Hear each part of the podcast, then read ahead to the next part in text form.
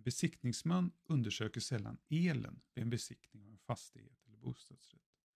Så vem ansvarar egentligen om köparen upptäcker fel på elen efter tillträdet?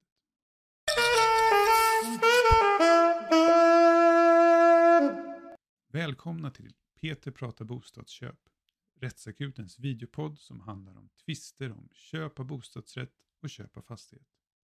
Mitt namn är Peter Dittmer, jag är jurist och jag arbetar som juridiskt ombud i tvister som gäller bostadsköp. Det här avsnittet handlar om vem som ansvarar för fel på elen. Och jag ska först prata om vem som ansvarar för fel i allmänhet och sen ska jag prata om rättsfallet om elfelen i Kullersta. Ni som följer mig vet att jag brukar prata om att det är sex steg i prövningen av fel i en fastighet. Och det här avsnittet gäller det femte steget, vem som ansvarar för ett fel. Det betyder att man redan har kommit fram till att det finns ett fel, ett köprättsligt fel på fastigheten. Och frågan är då vem ansvarar för det här? Och huvudregeln är att säljaren ansvarar för fel på det som har sålts. Men när det gäller fastigheter så finns det ett viktigt undantag och det är att köparen ansvarar för fel som köparen upptäckt eller borde ha upptäckt vid en undersökning av fastigheten.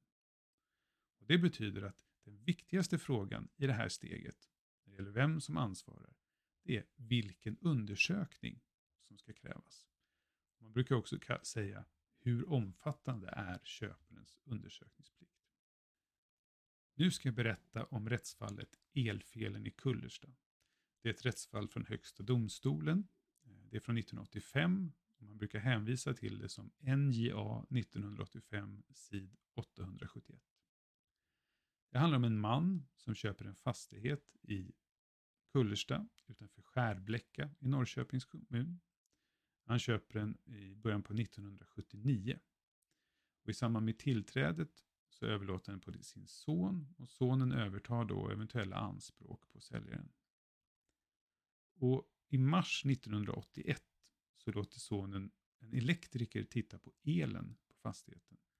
Den här elektrikern upptäcker då en rad fel, 25 olika fel. Och de här felen beror på att man inte har följt gällande föreskrifter för elinstallationer när man har gjort de här elinstallationerna på fastigheten.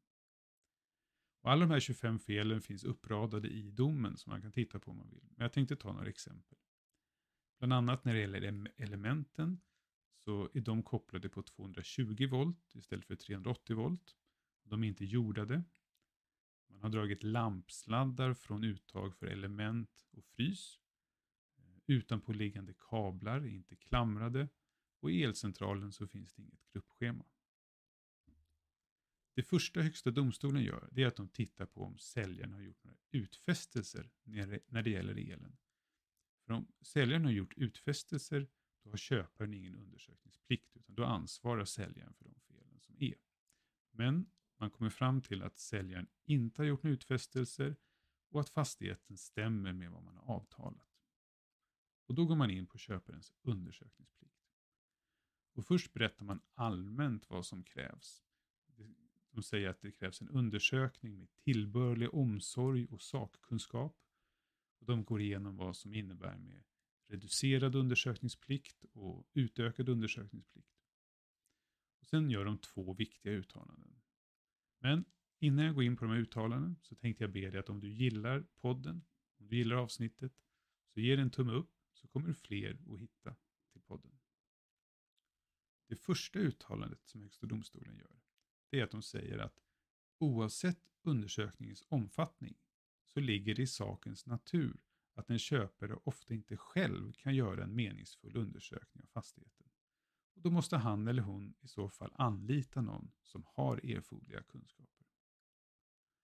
Och Det här kan ju låta som att en köpare måste anlita till exempel en besiktningsman för att fullgöra sin undersökningsplikt.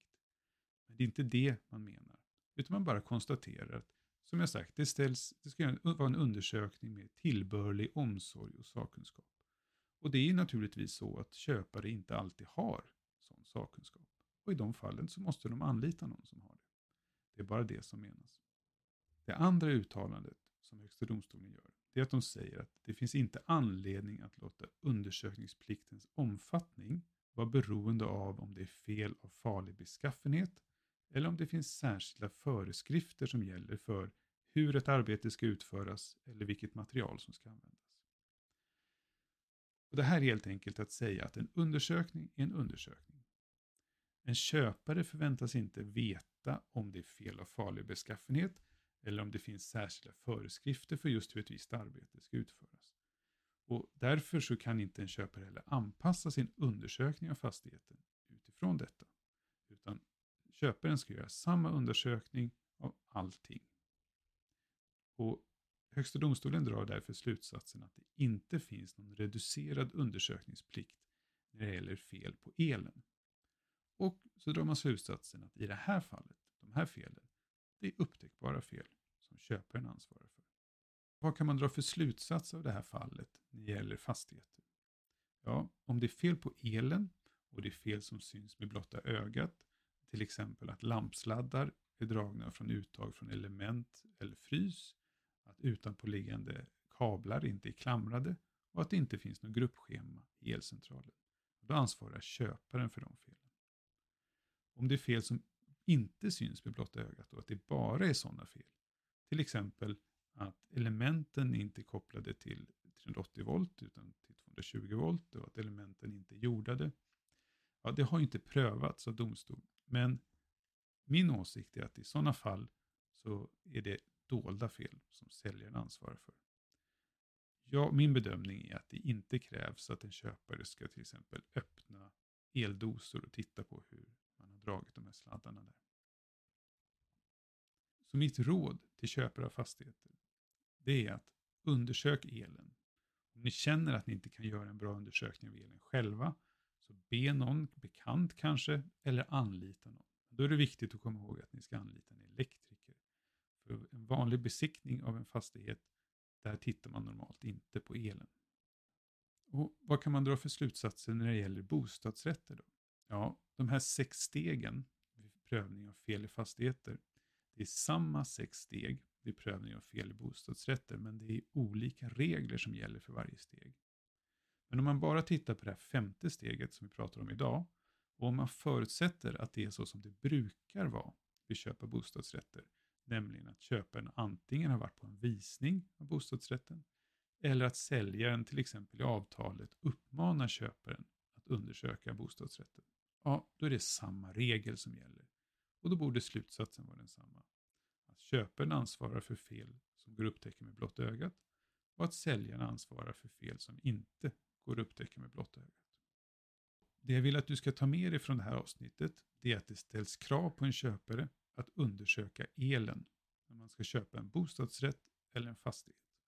Och att en normalt erfaren och bevandrad köpare förväntas upptäcka en hel del fel spelen. Åtminstone sådana som syns med blotta ögat. Vi syns i nästa avsnitt. Det ska handla om konstruktionsfel.